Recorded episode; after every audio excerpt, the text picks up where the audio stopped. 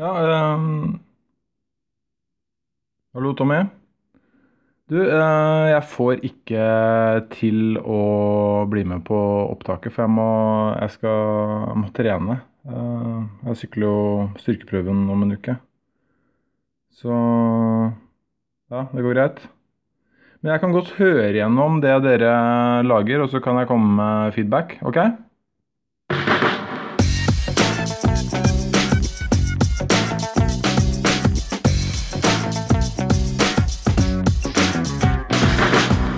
Du hører på Psykologlunsj, populærvitenskapelig lunsjprat med psykologene Tommy, Jonas og Jan Ole.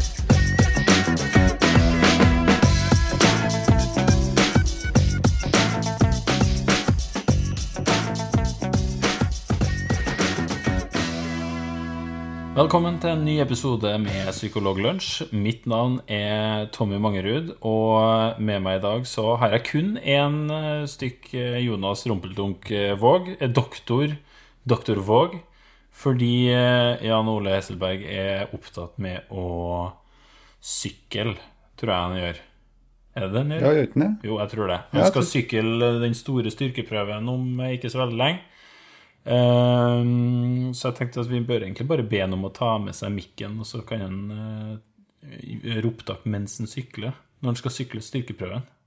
Så kan han ha sånn live-referat om hvordan det er. Vi kan jo kjøre ved siden av ham og intervjue ham på veien. Det kan vi gjøre. Følgebil Ja.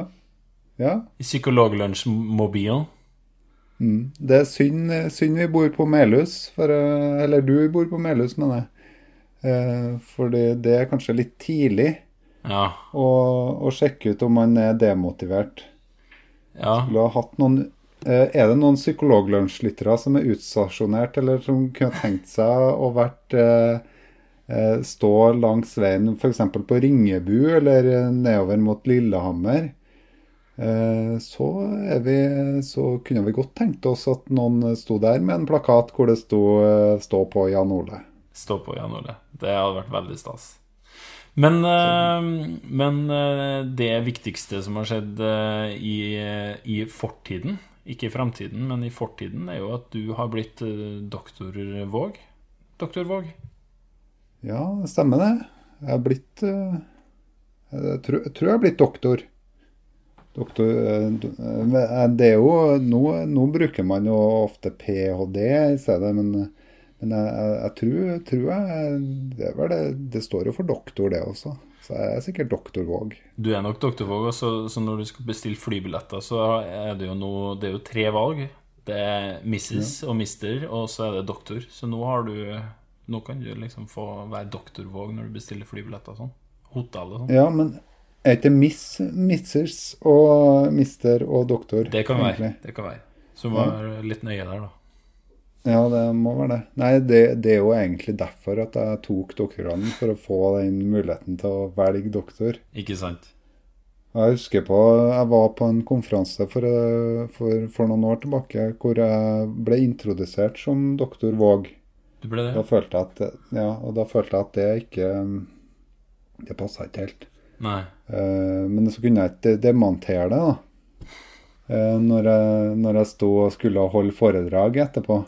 Nettopp. Så da så, så nå kan jeg egentlig møte opp tilbake og så, og så late som ingenting. Nettopp.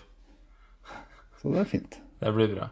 Men det er jo ikke noe, det jo ikke noe mer skole du kan gå nå, Jonas. Nå er du jo nådd toppen. Ja, det, det er kanskje det Kunne tenkt meg å ha tatt bussertifikatet. Det er sant. Det ligger over doktorgraden. Det er sant. Ja. Og båtsertifikatet, det er jo Jeg er jo født etter eh, 1980. Da er jeg nødt til å ta båtsertifikatet. Akkurat. Så, så det, det kommer jeg til å ta etter hvert, da. Nettopp. Så, Det- da blir det skipper. Da blir du skipper Våg. Veldig bra. Det, det er bra. Men eh, i, i dag så er egentlig episoden i sin helhet viet til dem, doktor Våg. Siden du har, Ja. har lært så mye nytt og vet så mye nå og er så klok og kan alt. Så, så du har fått eh, litt sånn æren av å bidra med det faglige i dag. Ja. Ja, uh, og så siden også vi eh, for Vi bruker jo å starte med en nyhetssak. Så jeg har forberedt en sånn eh, en liten eh, nyhetssnutt, egentlig. Eh, Og siden vi ikke har en, eh, Jan Ole her eh, denne episoden, så hva pass, og siden jeg har blitt doktor, eh, hva passer vel da bedre med eh, Og siden vi er to trøndere da, som sitter her, hva passer vel bedre da med en skjegg, skjegg bart og brillespesial Ah, nydelig. av Psykologlunsj? Nydelig. Det her er jo Ja. langt utafor der, eh, der Jan Ole passer inn, så det er jo helt fantastisk. Ja, sant. Og det er jo bart, spesielt bart, som er, som er tenkt å være den trønder. Så det er ikke det er ikke så utrolig mange i Trondheim med bart, men du ser dem jo på 17. mai. Da er det jo mange som går i bart-mustasjeforeningstoget Det er sant. i borgertoget. Det er, det er ikke så innmari mange med bart i Trondheim, egentlig. Ikke nå lenger. Det var for noen tiår siden. Da var det mye bart. Ja. Og det var det jo egentlig i, i sånn uh, Tom Selleck og, og, og det var jo masse bart eh, generelt for, eh, for noen tiår siden. Uh, og det kan jo egentlig så var trøndere veldig forut for sin tid, eller uh, i tråd med moten. Og, og den mustasjeklubben den er jo basert på en mer sånn uh, europeisk tradisjon med gode snurrebarter. Så det, det er fantastisk. Men uh, det er jo faktisk gjort en del studier på, på eh, bart, skjegg og briller. Nettopp. Og det, det tenkte jeg skulle vi, vi kunne ha godt uh, ta for oss noen oppfatninger om, om skjegg og bart. Og så se om de samstemmer med, med det som forskninga viser da, rundt eh, psykologien rundt bart og skjegg. Fantastisk. Og da er det bl.a. en studie som har tatt for seg um, hva er det folk assosierer med det å være skalla, Okay. én ting. Og hva de assosierer med uh, det å ha skjegg og bart. Ja. Uh, så da har de tatt, eh, tatt en del eh, forsøkspersoner som har blitt presentert ulike typer bilder. Eh, hvor det er samme personene på bildet, men de har tre ulike nivåer, da, som de kaller av hodehår. Altså at du har ganske mye, en ganske fyldig manke. Og så har du ganske sånn store viker. Og så til slutt har du ikke noe hår, da. Og så har de to nivå av ansiktshår. Altså at uh, du, du har helt glattbarbert, eller at du har et fyldig skjegg. Eh, og da eh, så de på eh, grad av sosial modenhet, alder. Altså sånn hva er det de oppfatter av alder, hva de oppfatter av attraktivitet, og hva oppfatter de av aggressivitet. Hva ah. tolker de av det ut ifra bildet.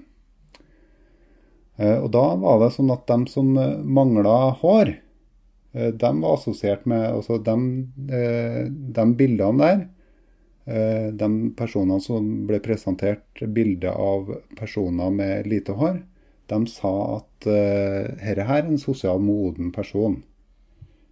Eh, virker som en sosial moden person, virker som han er eldrende. Han er mindre attraktiv, og så er han også lite aggressiv. Men så så man på, på bart og skjegg-gruppa. Og det å ha bart og skjegg da, var assosiert med å bli oppfatta som mer aggressiv, mindre attraktiv og lavere på sosial modenhet. Altså at du var mindre sosial moden hvis du hadde skjegg, eh, enn hvis du var eh, glattbarbert. Litt sånn uh, ur, urmenneske der er da. Ja, Sånn er kanskje- huleboeren. Kanskje det er det at, eh, at um, Så hvis du møter opp i et cocktailparty med skjegg, så kunne du egentlig tatt med deg en treklubba Og, og den med der, skinnfellegreia uh, med sånn én skulder. Så det Og rop ugg, ugg Ja. med sånn- med sånn denge. Det er typisk sånn som er sånn, da, da er du litt mindre sosialt veltilpasset og blir ansett som umoden. Og litt aggressiv. Ja, det er sant, det. Så det er kanskje, det er kanskje så enkel eh, eh, det, det de, En av hypotesene de hadde var knytta til, var at eh, det å ha ansiktshår var liksom eh, Det var eh, postpubertalt, eller, eller rundt, rundt, puberteten, da. Så, så, det å liksom gro en fyldig, et fyldig skjegg var liksom en måte eh, Ja, en måte å vise eh, seksuell modenhet på et vis. Akkurat. At du, men at du likevel var lavere sosial modenhet. Da, for dem som har mista håret, selvfølgelig, de, de blir oppfatta som eldrende og den kloke, vise mannen uten hår. Mm. Uh, skal vi gå litt videre inn i bart- og skjeggeforskninga? Kjør på. Ja, uh, det er faktisk også forska på hvorvidt, uh, hvorvidt bart og skjegg Eh, har en eh, samme Altså det å enten være glattbarbert, eller det å ha bart, eller det å ha skjegg, er assosiert med å bli eh, regna som attraktiv på jobbmarkedet. Mm. Så tok de eh, litt over 200 eh, ulike ledere eh, som satt i posisjoner hvor de kunne ansette folk. Og så ble de presentert for ulike bilder egentlig, Dette er fra 90-tallet, så da hadde de ikke ordentlig bildemanipuleringsprogram.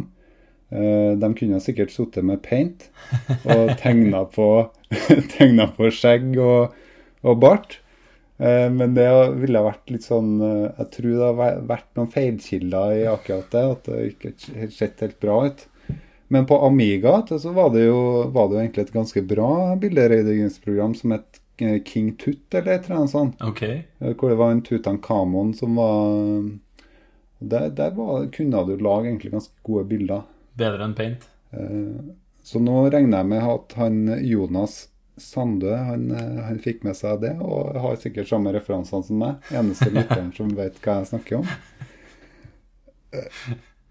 Så de, de, dere lederne da ble presentert for ulike tegninger av jobbsøkere. Og Da var ene tegninga eller seks ulike jobbsøkere, og alle dem var i tre ulike former. En var helt glattbarbert, en hadde bart, og en hadde skjegg. Og Da var det sånn at dem som hadde bart eller skjegg, ble oppfatta som mer eh, både sosialt og fysisk attraktiv. Eh, også mer attraktiv med tanke på personlighet og kompetanse enn menn uten ansiktshår. Mm. Så kan jo man spørre seg om tegninger av menn med bart eller skjegg. Det var inke, altså sånn blekktegninger. Og da ser jo egentlig bart og skjegg ganske fint ut på sånne blekktegninger. Du? Det, det, det, kan godt være at det er litt sånn forskjell fra virkeligheten, ja. Ja. Jeg, altså når, hvis man har sett den introen på Marco Polo, den store den litt sånn Game of Thrones-aktige serien som er på Netflix, så ser man sånne blekktegninger av han, av han uh, Genghis Khan. Og der ser jo Genghis Khan skikkelig sånn uh, fancy ut. Men når, når, man ser den sånn på ordentlig, så, eller ikke på ordentlig, men han som spiller, så passer ikke det. Da er ikke helt Det er ikke helt innafor, altså. Så da, men da ville de ansatt som blekkfigurer med skjegg i stedet, da? Var, stod, var det noe om ja. hvilke type jobber det her var? For at uh, Hvis vi går for den hulegreia, da så hvis det var hvis det var um, en, en, sånn jobb som går ut på å slå med Nå vet jeg om hvor mange jobber det er hvor du går og slår med kølle, sånn uh, klubbe. Mm. Men hvis det var sånne jobber Du tenker baseball uh, Kanskje baseball, sånn, ja. Nettopp. Nettopp.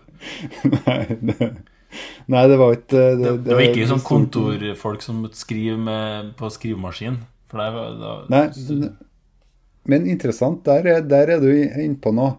Fordi at uh, da den forskninga ble gjennomført, uh, så var det noen som ville sjekke ut hm, er det med bart og skjegg kanskje relatert til kulturelle forskjeller. Ja, det, Og det, det, kan jo godt hende at, at, det er noe med trender i tiden som, som påvirker bart- og skjeggeattraktivitets...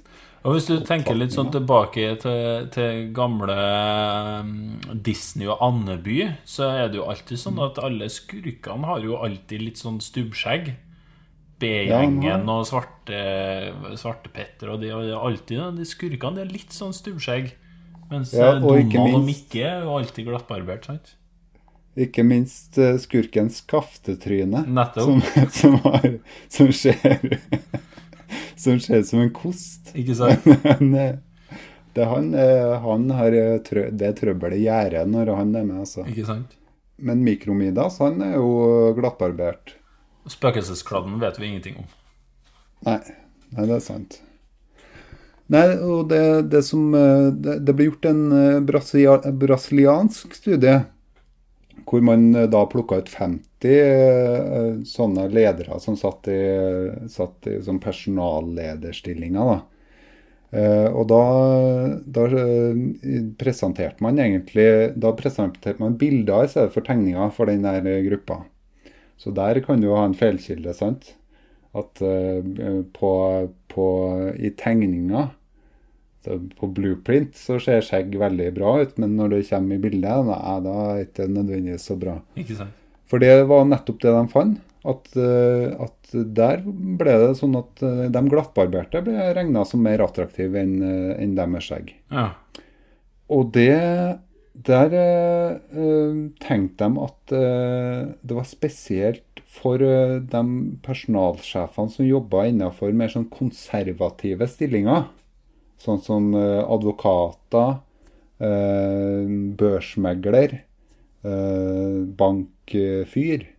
Alle mulige sånne, sånne stillinger hvor, hvor det er litt sånn forventa at du skal se strigla ut. da. ja. Og at du er en del av teamet. Det, så det, det, det var litt mer sånn rundt konformitet og, og sånn at den artikkelen der eh, eh, rundt hvorvidt, hvorfor at det var mer attraktivt med, med ut, å være uten skjegg. da.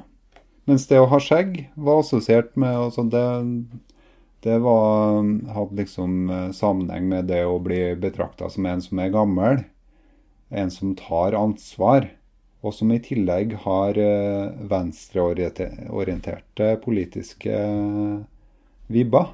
ja. Litt sånn humlesnurr der, da, eller? Ja. Jeg vet ikke, en humlesnurr er han eh, stemmer han i SV? Vet du det? Ja, jeg tror han er mer den retningen, ja. Tror det. Ja. Han, eh, han gjør kanskje det, altså. Det, det der er jo studier som er gjort på 90-tallet. Det er også gjort en uh, nyere studie, da, sånn helt i, helt i, i nyere tid, hvor man har eh, eh, sett For nå er det jo litt populært det å enten ha fullskjegg eller det å gå med litt sånn, uh, litt sånn tredagersskjegg. Tre Ja. til femdagersskjegg. Den Ja. der mellomgreia, fordi at du ikke har gidda å, å, å glattbarbert deg. Fordi at det kanskje lugger litt, og, og så i tillegg også er det, er det jo for jævlig å barbere seg. Jeg er så glad for at moten endelig har tatt igjen eh, mine vaner. Ja. Og det, Derfor er det jo veldig greit å ha en sånn eh, skjeggstusser bare, som du, som du bare går over skjegget med. Eh, sånn som eh, jeg gjør. Men så går, jo- mister man jo plutselig batteriet eller, eller laderen til den skjeggstusseren, og så har man plutselig full, fullskjegg. Det er sant. Men det de Fordi at nå har de begynt å interessere seg litt innenfor evolusjonspsykologien. vet du. Er det en sammenheng mellom skjegg og hvordan du blir oppfatta, og har det noe evolusjonært eh, over seg? Eh, og selvfølgelig har det jo det, ifølge artiklene. Eh, Så da tar de jo mer inn i, inn i bildet om kvinner syns menn er attraktive med skjegg eller ikke, og om hvorvidt menstruasjonssyklusen har noe med, med saken å gjøre, og, og, og sånne type ting. De ba da menn og kvinner om å, om å reite eh, menn med skjegg og menn uten skjegg, og menn eh, som var sånn i mellomsjiktet, eh, på ulike ting. Da. Og da fant man ut at både menn og kvinner var enige om at de som hadde skjegg, var bedre på, på, det å ta seg av barn. Og det ja. å, å, være bedre på, på, på helse enn dem som ikke har skjegg. Merkelig nok. Ja, det var litt rart. Og um, likeså så renka man liksom den grad av maskulinitet var liksom sånn Hadde en sånn gradvis økning dess, eh, fra det å ikke ha skjegg i hele tatt til å ha eh, til å ha tre dagers skjegg, til å ha fullskjegg. Forståelig nok, da det å ha skjegg eh, er nok eh, assosiert med det å, det å se, se, ut som det har en del testosteron. Eh, ja, det fant de ut. Men så var det den brille, eh, brilleartikkelen. Den var litt interessant, den også. For hva tror du Hva tror du Det å ha briller Altså, hvis du spør en gjeng, og så ber du dem om å Eh, si noen personlige egenskaper til dem her eh, som har briller. Hva vil man tro, da? Nei, Det er vel det intelligens, antakeligvis, uh, eh, ville ha gjetta på, kanskje. da. Er det det? Ja. De som har uh, briller, de blir sett på som mer intellektuelle, og i tillegg òg uh, snill og grei, rett og slett. Såpass, ja. Hva tror du at de som har skjegg, blir regna som, eller hvilken type eh, personlighetstrekk eller kanskje person, altså egenskaper blir de tilegna av, eh, av, 75 eh, av 75 deltakere i denne undersøkelsen? Det er jo litt vanskelig å si, for nå har du jo gitt et veldig sprikende bilde. Altså, først var vi jo litt innpå det her med litt sånn urmannen, og så var jeg plutselig var de jo flinke til å ta seg av ungene sine. Mm. Og hatt god hygiene, som da er stikk i strid med det. Så der, eh, der er jeg usikker. Eh, det at de er mindre konvensjonelle Der er vi jo litt tilbake til at den brasilianske studien som sa at glattbarberte var mer sånn konservativ og sånn, ja, mens du har dem som har skjegg, dem gir litt mer blaffen. Og i tillegg at de også er snille og greie, da. Ja. Eh, så, så, det er jo interessant at eh, eh, Finn deg Finn tak i noen med briller eller, eller, eller noen med skjegg. Gjerne skjegg og briller samtidig. Ja, det må jo da på dette tidspunktet understrekes at undertegnede er eneste i Psykologlunsj med begge deler. Ja, det er nettopp det. Jeg slutta med brillene da jeg var tolv, så jeg skjønte jo ikke den, den Eh, den sammenhengen der skulle jeg egentlig ha vært eh, Jeg tar selvkritikk på det, egentlig. Hvis dere har lyst til å sette dere mer inn i skjegg og briller eh, og bartelitteraturen, så skal vi legge ut selvfølgelig alle artiklene der. Og hvis det kommer inn noen spørsmål rundt det, så kan jeg gladelig svare på det. Yes, Så bra. Fantastisk. Da er vi oppdatert på det. Men eh, det var jo strengt at ikke her du eh, tok doktorgrad i, var det det, Jonas? Nei, det var ikke det. det var... Kan du si litt om hva du, hva du, har holdt på med de siste årene? Jeg har, eh, jeg har forska på eh, musikerhelse. At det er det doktorgraden min handler om. For innafor altså, underholdningsbransjen er egentlig ganske stor Eh, stor industri, også i Norge. Eh, men det man eh, Og, og det, den er en profilert bransje, også kanskje spesielt dem som driver på med musikk, en profilert bransje. Og det skrives en del om musikere. Det er en del oppfatninger om både, ikke bare helse hos musikere, men arbeidsforholdene til musikere og, og sånne type ting. Men hvis man går i litteraturen, så, så, eksisterer det egentlig veldig lite forskning på arbeidsforhold og helseforhold hos musikere. Ja. Så egentlig med utgangspunkt i, i det at uh, musiker, altså den musikerhelseundersøkelsen um, ble eh, altså uh, Havna i startgropa, da. Ja. Um, men det jeg har gjort, er at eh, eh, jeg ville se på psykisk helse hos, eh, hos musikere. Ja. Og, og der, når, jeg, når, vi gjorde litteraturgjennomgangen, så, så, så vi at det var så at det var veldig lite som egentlig var gjort på det området også. Altså det er en god del oppfatninger om at uh, altså hvis man har lest biografier og sånn Det fins en del studier som har tatt for seg ulike biografier òg. Da har man jo beskrevet at det virker som det psykisk helse eller uh, mentale helseplager er noe som gjennom, er gjennomgående i de biografiene. Uh, men biografier er jo egentlig basert på veldig kjente personer ofte, og kanskje personer som har en interessant historie som det er viktig å få fortelle. Så det blir et veldig skjevt utvalg. Og så er det kanskje de biografiene skrives ofte om de personene som er fremst i, ja. i søkelyset. For at musikere er jo ikke bare det er ikke bare Jimmy Henriks, eh, liksom. Det er, jo, det er jo på en måte alle de her eh, orkestre, symfoniorkester og, og alle mulige studiomusikere og alt mulig sånt. Det er jo en veldig bred gruppe, da. Absolutt. Og det er jo, det er jo litt det vi Det er jo litt det vi ville gjøre. Vi vil, altså, siden det ikke var siden det ikke var gjort en grunnleggende kartlegging av hvordan står det egentlig til med, med helseforhold, altså mentale helseforhold og arbeidsmiljøforhold hos musikere. Eh, så ville vi gjøre en sånn grunnleggende kartlegging før man kunne mm. gå videre. da.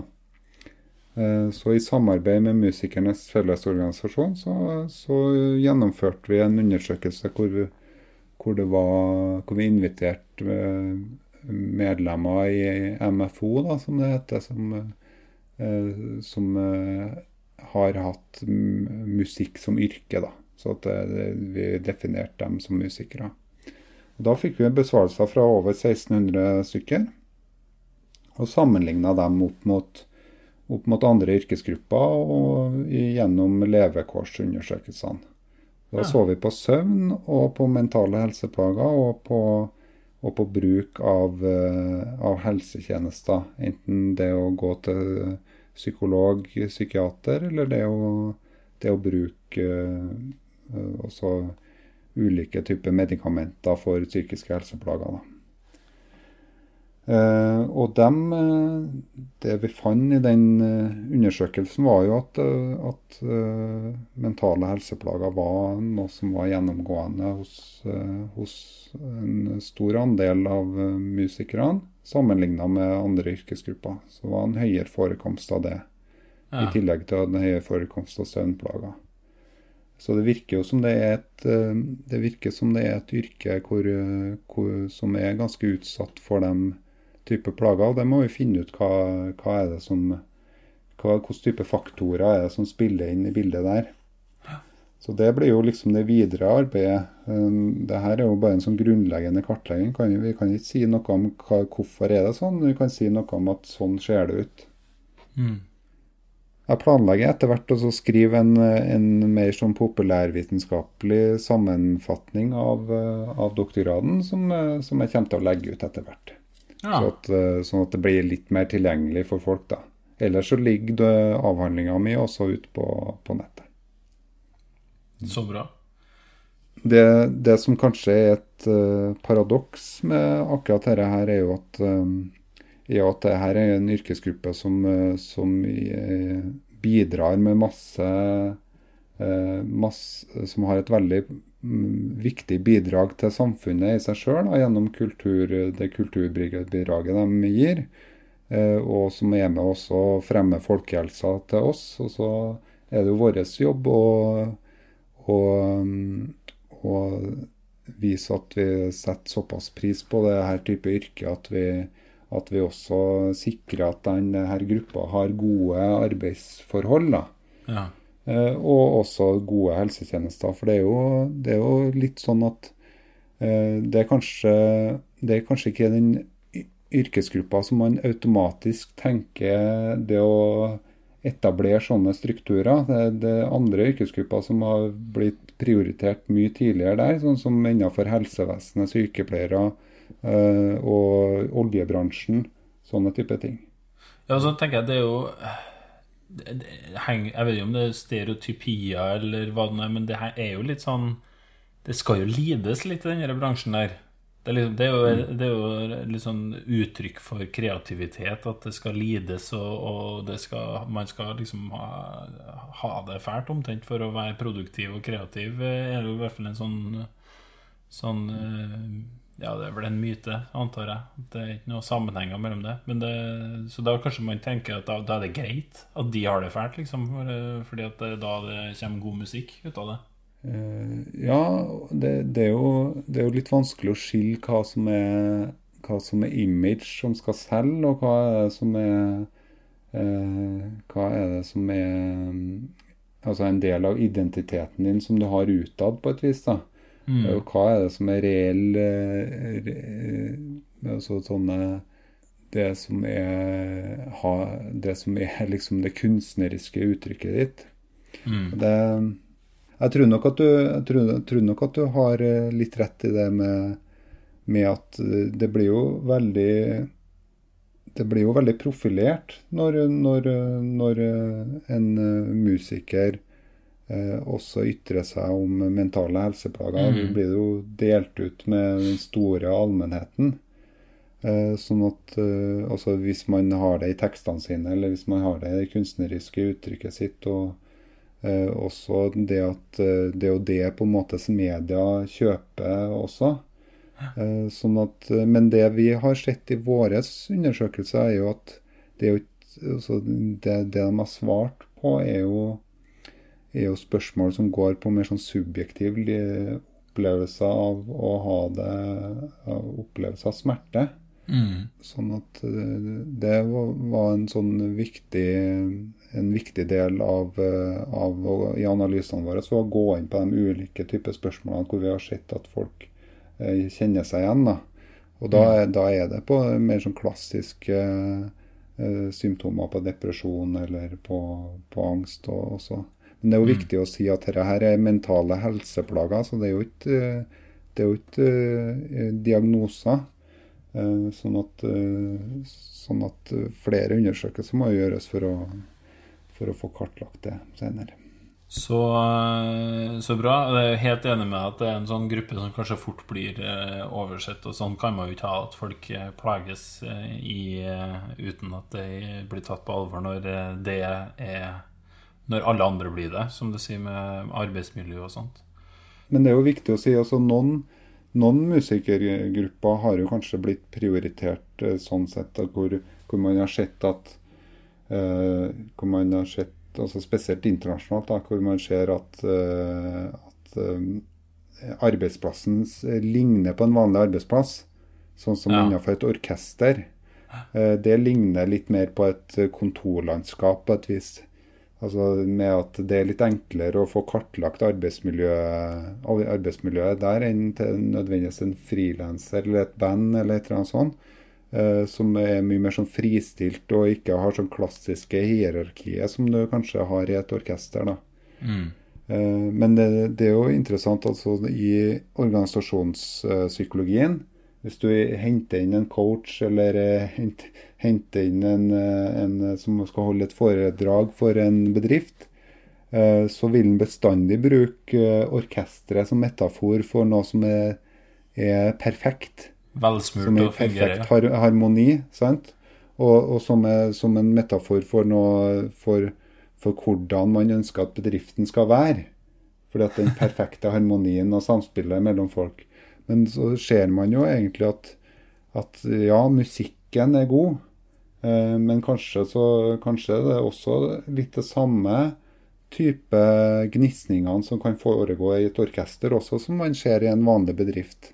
Mm. Så, det, så, den metaforen er, den er veldig sånn god i teorien, men sånn i praksis så, så er det også, også, viktig å se på orkestre og, og sånn. Jeg bruker som regel Miles Davis jeg, som, eh, som uh, metafor når jeg skal snakke om det, det, men det kan vi ta en annen gang. Ja.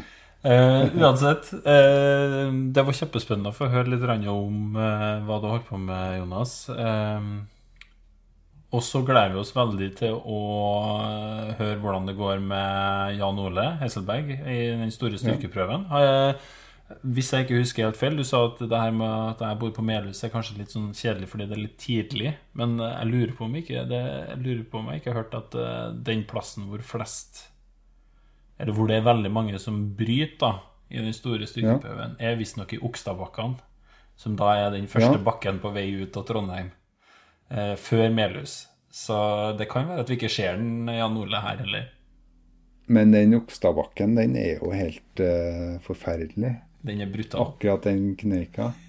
Men er det lov til å ha elmotor på, på styrkeprøven? Jeg vet ikke, men jeg tror, eh, tror ikke Jan Ole kjører elmotor. For jeg har til og med kjøpt seg GoPro, så, så det er derfor jeg tenkte at uh, vi må dytte på han en mikrofon. Og så kan, jeg, kan han liksom kan han ordne noe stas til oss til liveopptak. Tenk deg det, liveopptak med Psykologlunsj mens han eh, eh, drikker XL1 og, og sånne proteinbars Ja. på vei nedover eh, landet. Ja, det hadde vært stas. Det høres bra ut. Det, det får vi se om vi får, får den til å, å, å bidra med noe sånt nå. Men eh, skal vi si det sånn, Jonas, at vi runder av lunsjen for i dag? Har du noen avsluttende kloke ord, du som er doktor? Nei, jeg har, har egentlig ikke det. Det er jo, det er jo kanskje at uh, Still dere ved veien når den store styrkeprøven er. Se om dere ser uh, Jan Ole. Og, og, og ta, et, uh, ta en selfie, eller et eller annet sånt. Jeg tror han kjører for Det, det er et eller annet Drøbak sykkelklubb eller et eller annet sånt der. Så litt usikker hvilken farge de har på skjortene sine, men men uh, følg med om dere ser noen som ser ut som de, de kan være med i Drøbak sykkelklubb. Uh, og så er Jan Ole helt sikkert han som er sist.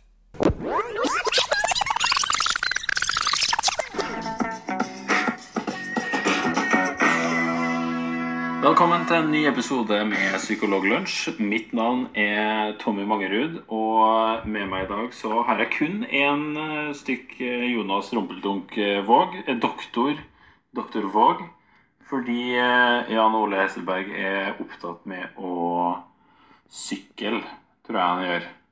Er det den gjør? uten det. Jo, jeg tror det. Han skal sykle den store styrkeprøven om eh, Herregud. Tommy. Det heter ikke store styrkeprøven. Så vi bør egentlig bare be ham om å ta med seg mikken, og så kan han uh, gjøre opptak mens han sykler. Når han skal sykle styrkeprøven. Ja. Mm. Så kan vi ha sånn live eh, eh, referat om hvordan det er. Å, så morsomt! Kjøre ved siden av den, og intervjuen på Ja. Mm. Det kan vi gjøre. Følgebil. ja kjempegøy. Psykologlunsjmobilen. Å, herregud. Det er synd, synd vi bor på Melhus, for, eh, eller du bor på Melhus, mener jeg. Eh, For det, er kanskje litt tidlig Ja. å, å sjekke ut om man er demotivert.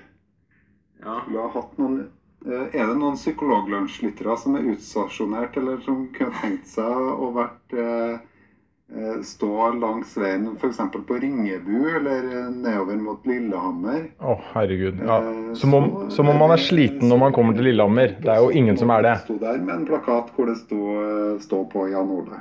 Stå på, Jan Ole. Det hadde vært veldig stas. Ja, kjempegøy. Men, eh, men eh, det viktigste oh, som har skjedd eh, i, i fortiden, ikke i framtiden, men i fortiden, er jo at du har blitt eh, doktor Våg. Mm. Doktor Våg. Ja, Som om det er veldig mye viktigere enn eh, styrkeprøven. eh, Det orker jeg ikke å høre på engang. Herregud.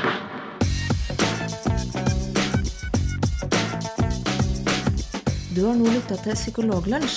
Har du noen spørsmål, kan du søke opp Psykologlunsj på Twitter, eller du kan sende en e-post til psykologlunsj alfakrøll gmail.com.